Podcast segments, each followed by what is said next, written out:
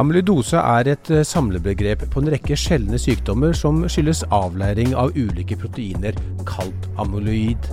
Disse kan angripe alle kroppens organer, men hyppigst hjerte og nyrer, og kan gi organskade. Dette er en sykdom som mange går lenge med uten å bli diagnostisert. Men den kan behandles, dersom den diagnostiseres. Jeg snakker med en pasient, en lege og en pasientforening.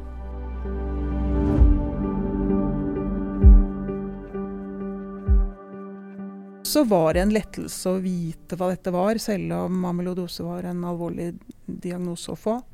Så um, livet med diagnose er veldig mye bedre enn å være syk uten at verken du eller andre skjønner hva som feiler deg.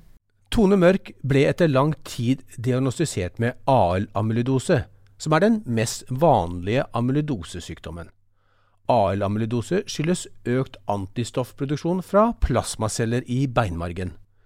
Sykdommen rammet hjertet hennes, men det tok lang tid og mange utredninger før diagnosen ble fastslått og behandlingen kunne starte. Mitt navn er Hans Andersen, og dette er en podkast fra Heltalk.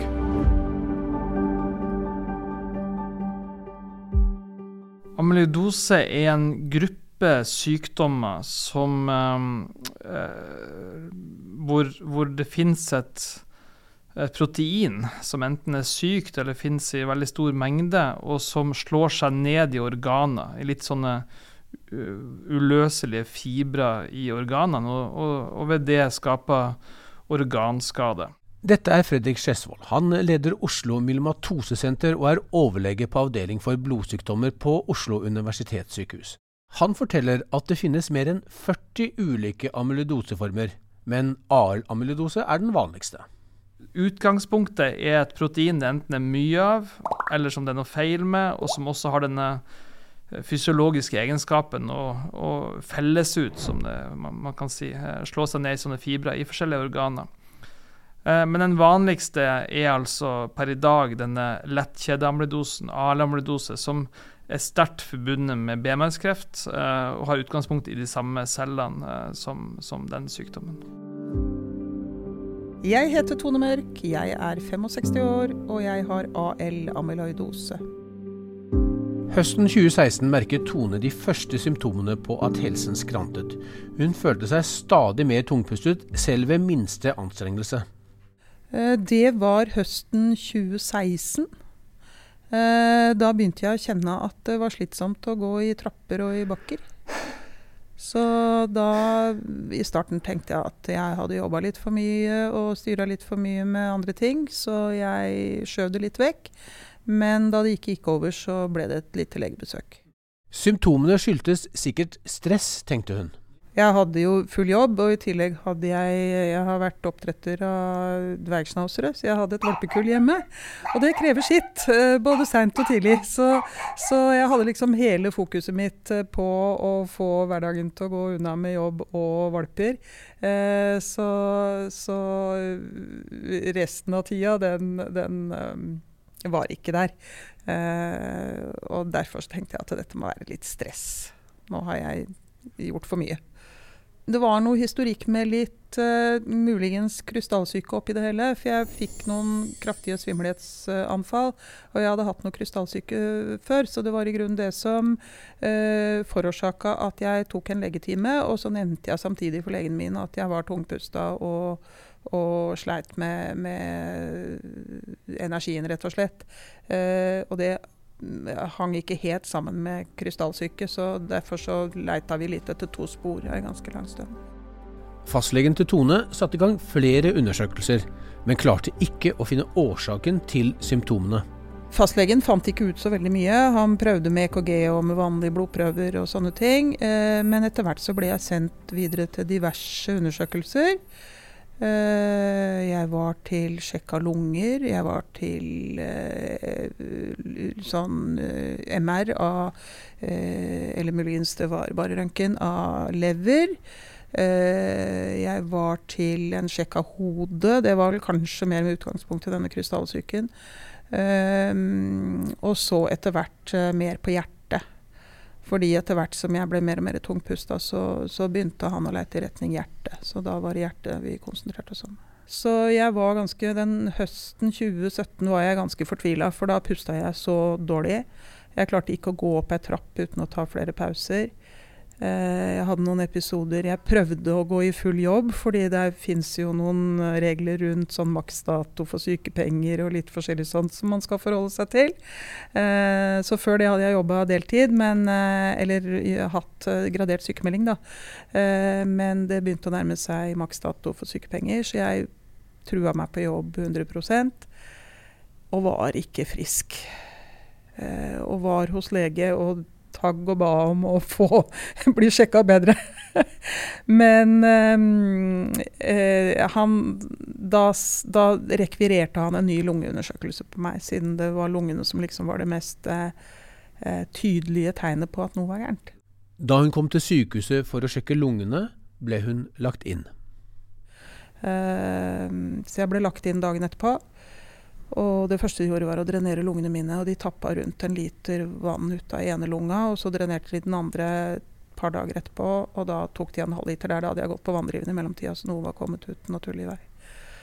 Men da var det i hvert fall øh, Når jeg hadde så mye vann i lungene, så var det ikke lenger noen som var i tvil om at jeg var syk. For det hadde jo òg vært litt sånn tvilende underveis. Altså fastlegen min hadde antyda at ja, du begynner jo å få en alder nå hvor hvor formen ikke er som han var før. og Jeg fikk liksom litt sånne uklare beskjeder, på en måte. Eh, men eh, med det funnet av vann i lungene, så var det liksom ikke noe tvil om at noe fysisk var gærent. Eh, så fra det tidspunktet så, så begynte man jo for alvor å leite. Og, og det ble gjort på sykehuset, som betyr at alle prøver og sånn ble tatt på stedet, og det ble tatt eh, flere i løpet av samme dag. Altså slapp denne med reisinga fram og tilbake og hit til det ene stedet og dit til det andre stedet. Så, så opplevelsen av å få komme inn på sykehuset og bli tatt hånd om, den, den var veldig positiv. Endelig noen skjønner at jeg er syk og trenger hjelp. Kort tid etter kom Tone til en kardiolog og det ble litt tilfeldig tatt en sjekk for amyloidose. Etter at jeg hadde gått på behandling et år, så sier en av de legene som behandler meg, at det var litt tilfeldig at de hadde satt meg på en amyloidosetest, en blodprøve, fordi hematologen delte kontor med, med hjertelegen. Så Sannsynligvis hadde jeg litt flaks med, fordi de kom relativt tidlig i gang med å undersøke dette med amyloidose. Fordi blodprøvene mine tilsa at jeg hadde disse lette kjedene i blodet. Så jeg endte på Rikshospitalet med en hjertebiopsi, og der var det positive funn. Eh, så da var diagnosen endelig. De finner disse avleiringene. altså Amyloidose er jo en avleiringssykdom, så de finner avleiringer i hjertet mitt, rett og slett. Det er klart at det ikke er en OK diagnose å få. Samtidig var det en lettelse å få vite hva som var galt, sier hun. Igjen så var det en lettelse å vite hva dette var, selv om amyloidose var en alvorlig diagnose å få.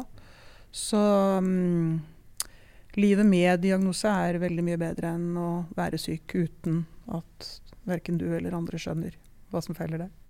Jeg har sett et begrep på, på Google selvfølgelig som heter stiff heart syndrome. Eh, rett og slett at hjertet blir stivt fordi veggene er tykkere. Eh, sånn at denne pumpeeffekten ikke virker helt som man skal. Eh, det legene sier, er at hjertet mitt pumper for så vidt, men det klarer ikke å fylle seg opp igjen fort nok. Sånn at når neste pumpeslag kommer, så er det ikke nok blod i hjertet til å få full guffe. Bokstavelig talt. Overlege Fredrik Skjesvold forteller at historien til Tone Mørk ikke er unik. Amylidose er en diagnose som man aktivt må lete etter, og det er det ikke alltid man gjør. På Rikshospitalet er nå dette en del av standardutredningen ved en hjertesvikt, men dette har ikke fått godt nok gjennomslag i andre sykehus. Det er dessverre fortsatt vanlig, selv om kardiologer har blitt mer oppmerksom på dette.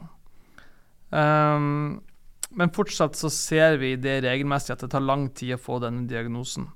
Og det finnes mange mm, sjeldne tilstander der det på en måte er mer forståelig at det tar lang tid. Um, F.eks. generell muskelsvekkelse eller Eh, man kan nesten eh, si et hvilket som helst symptom som helst kan ha sammenheng med dette. Men akkurat hjertesvikt er vanlig. 70% av pasienter med denne tilstanden har det. Eh, og det er ikke en så sjelden tilstand. Så vi har prøvd å få litt oppmerksomhet rundt dette og har lykkes et stykke på vei. Sånn at hjertelegene på Rikshospitalet de går ikke lenger glipp av dette, tror jeg. Eh, vi har også jobba for at eh, det å måle disse lette kjedene i, i, i blod burde vært en del av standardutredninga ved en hjertesvikt. Eh, og Det har de innført på Rikshospitalet, men det har ikke bredt seg ut i det ganske land. Sånn at Jeg tror det er mer oppmerksomhet rundt dette nå enn det var for noen år tilbake. Men fortsatt er det ikke sånn at dette ikke glipper hos en del hjerteleger. Men nyrelegene er mye mer oppmerksom på dette. Så der er det Hvis du kommer til sykehus med en nyreproblem som er typisk for amylidose, som vil si at man uh, har en dårlig filtrasjonsfunksjon og får store mengder uh, av normale proteiner i, i urin, så blir dette fanget opp ganske fort i nyrebiopsier er det jo helt standard å, å sjekke for dette, uh, som ikke alltid har vært like standard på hjertebiopsier. Så det er også sånn at nyrebiopsier er eh, har det generelt vært en lavere terskel for å gjøre enn en hjertebiopsi. Han mener at ansvaret for å stille rett diagnose ikke ligger hos fastlegen, men hos kardiologen. Og å stille diagnosen, ja, det er ganske enkelt. Nei, jeg syns ikke dette går under fastlegene sin uh, jobb. Um, fastlegene har som jobb å påvise en hjertesvikt. Um, og så går jo pasienten til hjertelege, kardiolog, og da er det de som må finne ut hva som er årsaken til hjertesvikten. Så dette er eh, kardiologene sitt ansvar. Uh, den hjertesvikten man får etter typisk hjerteinfarkt, uh, som der på en måte hjert, hjertet utvider seg eh, og sliter med å pumpe ut det som er inni. Eh, det eh, skyldes ikke amylidose, i prinsippet. Mens den andre typen er, er, er, på en måte det motsatte. Der blir hjertet tjukkere og mindre.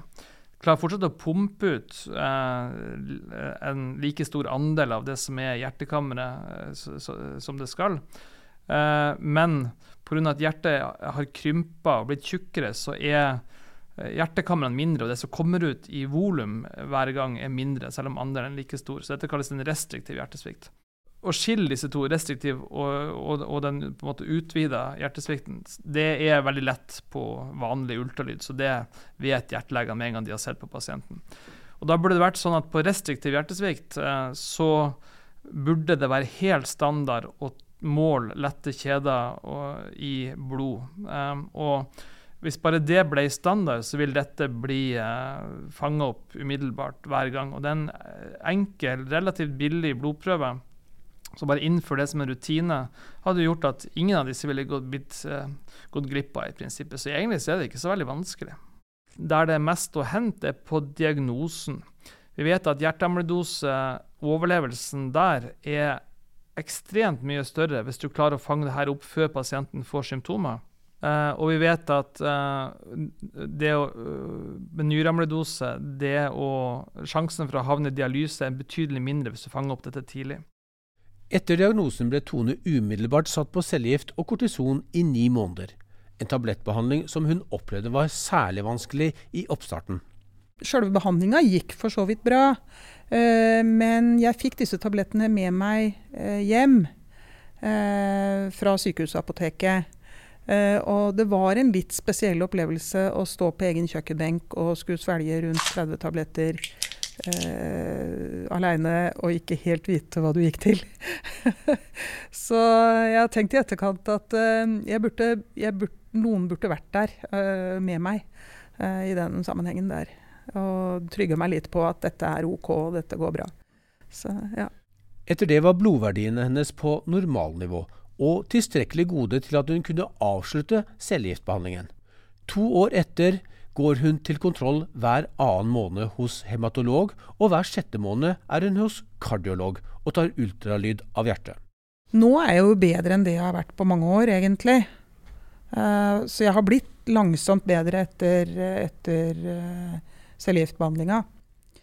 Men uh, jeg har fortsatt problemer med å gå fort i bakker. Og stress og på en måte alt sånt som, som gjør at du trenger litt ekstra å gå på. Det liker jeg ikke. Ehm, jeg har på en måte akseptert at denne sykdommen er noe jeg har.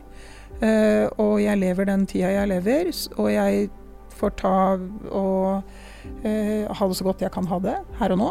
Og så er det ingen av oss som har noen garantier for uh, framtida. Jeg legger ikke opp til noen, noen jeg, jeg, tror ikke jeg blir en belastning for samfunnet når jeg blir 100, for å si det sånn. Men jeg gleder meg for de dagene jeg får. Tilbake til Fredrik Skjesvold. Han forteller at AL-amylidose skyldes økt antistoffproduksjon fra plasmaceller i beinmargen. Det samme skjer også ved myelomatose. Mellom 10 og 15% av pasientene med myelomatose har samtidig amyloidose, mens 10-50% av pasientene med AL-amylidose også har myelomatose. Behandlingen av AL-amyloidose er så å si den samme som for myelomatose, forteller Fredrik Skjesvold siden det er klonale plasmaceller som produserer disse lettkjedene, og det er de samme klonale plasmacellene som gir f.eks. BMS-kreft, som man også godt kan ha samtidig, det er ikke helt sjeldent, så er behandlinga ganske enkel, egentlig. Det er å ta livet av disse cellene. Så det vil si at vi, vi baserer behandlinga på eh, de samme prinsippene som eh, BMS-kreftbehandling samme medikamentene. Eh, så det er å ta livet av disse cellene. Eh, hvis man har eh, en ALMR-dose uten BMS-kreft, så har man ofte en relativt liten sykdomsmengde. Ikke noe som ville gitt problemer som vi hadde behandla med BMS-kreftbehandling, hvis ikke disse proteinene hadde, hadde en tendensen til å slå seg ned i organene. Eh, og i så tilfelle vil du ofte med god BMS-kreftbehandling kunne eh, mer eller mindre eliminere sykdommen for lang tid fremover. Mange får ikke tilbakefall etter den første behandlinga. Så er det selvfølgelig mulig å få tilbakefall, og da må man fortsette med eh, det man hadde gjort som tilbakefall av BMS-kreftbehandling. Så, så, så, så, prinsippet er som BMS-kreft, du, du, bruker medikamenter for å ta livet av denne plasmacellekloen, plasmacellesvulsten.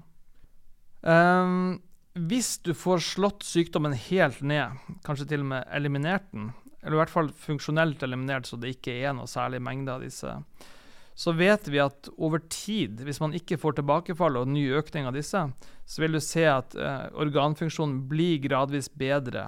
Uh, og kan, den bedringa kan øke i mange år. Uh, det er ikke alle som blir helt friske igjen, men, men, men mange kan bli funksjonelt friske, at de ikke lenger har noe, noe plager av dette. Men behandlingen er ikke uten risiko. Den kan i verste fall ta livet av pasienten med hjerteamylidose. Men det er bedre behandlinger som nå er på vei. Det er en viss eh, risiko ved dette, spesielt egentlig ved hjerteamylidose, som er den, den, varianten som virkelig eh, er problematisk her. Eh, det er at et amylidosehjerte tåler ikke alltid behandling så godt. Så man kan um, ende opp med å, å, å dø av behandlinga. Uh, rett og slett fordi at når man starter behandling, så blir hjertesvikten verre, og kanskje så mye verre at man faktisk ikke kommer seg gjennom det.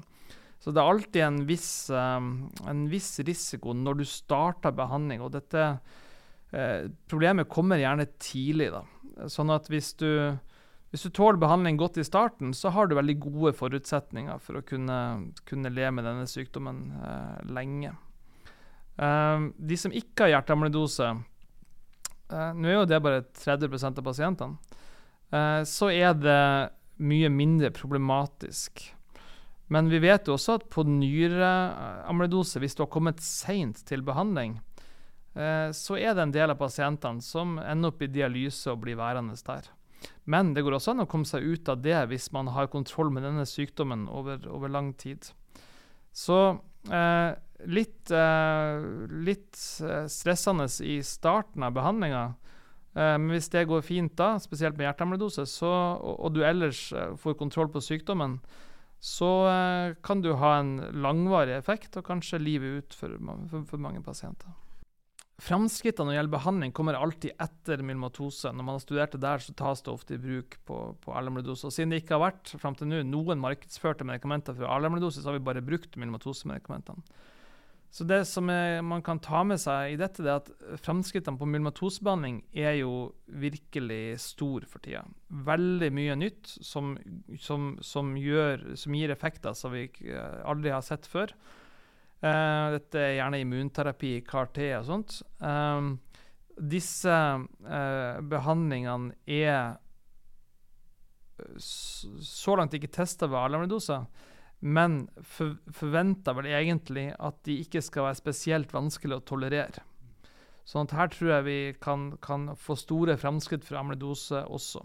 Fra Tone Mørk fikk mistanke om at hun var syk i 2016, tok det to år med legebesøk og mange undersøkelser før hun endelig fikk diagnosen amyloidose i 2018.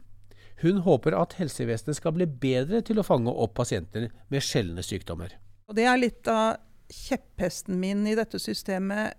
Og, og før diagnose blir satt, så er det liksom Forholder du deg til en fastlege som må velge å sende deg til den ene kontrollen etter den andre, eller gi opp litt, eller bortforklare ting med at det er psykisk, eller alder, eller hva det måtte være. Eh, og så kommer du til en spesialist som har sitt spesialområde, men som ikke dekker denne helheten.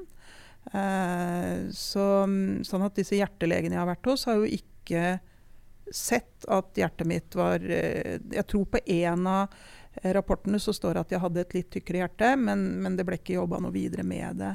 Så, så de det, Og det er kanskje noe av, av min, mitt ankepunkt i forhold til helsevesenet i dag. At eh, det er for mye fram og tilbake til fastlege, og for lite eh, på en måte tenking på tvers av disse eh, profesjonene. Sånn at eh, såpass sjeldne diagnoser som, som, det vi har, de faller litt eh, Kanskje ikke mellom to stoler, men de blir litt oversett fordi de, de symptomene eh, peker ikke he alltid helt direkte på årsaken til problemet. Så, så koblingen mellom symptom og, og eh, sykdom, den eh, kan være litt vanskelig å finne. Jeg heter Olav Jøssene og er styreleder i Blodkreftforeningen i Norge. Har vært i den rollen i tre år. Han mener at diagnostisering av blodkreftsykdommer må høyere opp på agendaen, også hos fastlegene. Det, det, bør være på agendaen for fastleger som ser de enkleste symptomene, å ta en blodprøve av pasienter. Det er der man begynner. Ta en enkel blodprøve, gjerne utvidet. Eh, få den analysert på best mulig måte, enten den blir sendt til et laboratorium som kan ta den spesielle undersøkelsen.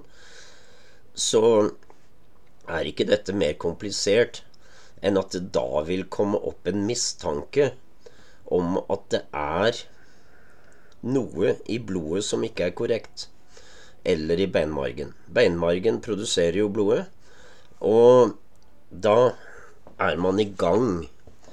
Fordi i det øyeblikket man har en slik mistanke, så har fastlegen absolutt gjort sin jobb. Eh, vi har hatt en meget god dialog med Legeforeningen. Og vi er enige at her kan det gjøres noe. Så akkurat i øyeblikket holder vi på med å lage litt enkle videosnutter som kan være tilgjengelig for bruk når fastlege møtes, som egentlig er bare en påminnelse å huske å ta denne blodprøven. Så enkelt er det. Det er altfor mange som blir diagnostisert med blodkreft, som har gått for lenge og ventet på konkrete svar. Etter det bør pasientene til et universitetssykehus for utredning, diagnose og behandling, sier han.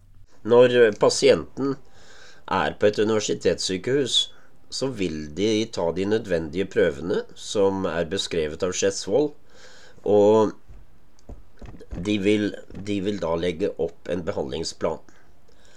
Og det er det som er viktig å ha med seg, at den behandlingsplanen, den tar man med seg til sin lokale eh, avdeling av spesialhelsetjenesten. Det er gjerne et sykehus som har en blodavdeling eller en hematologisk avdeling, som doktorene kaller det. Og de kommer da med et program for pasienten. Det er ofte en misforståelse av eh, om en sykdom skal behandles på et lokalsykehus, eller om diagnosen skal skje. Men i, i eh, amyloidose og de fleste andre blodkrefttilfellene så er det universitetssykehusene som er best stilt til å gi en presis diagnose som dermed identifiserer best mulig behandling. De gir større overlevelse, større sykehus, desto større overlevelse er det. Det er bevist. Og eh, det er ingen tvil om at eh, desto raskere man er i hendene på en av de store sykehusene i Norge, som internasjonalt er små, så har pasienten beste muligheter for å kunne ha en bra tid framover. Du kan lese mer om dette og andre saker på heltalk.no. Vi vil gjerne høre fra deg dersom du har temaer eller historier du ønsker at vi skal ta opp. Send meg gjerne en e-mail på hansalfakrøllheltalk.no. Denne podkasten ble produsert av Steinar Borgen. Mitt navn er Hans Andersen, og jeg er redaktør i Heltalk. På gjenhør. Denne podkasten er støttet av Jansen.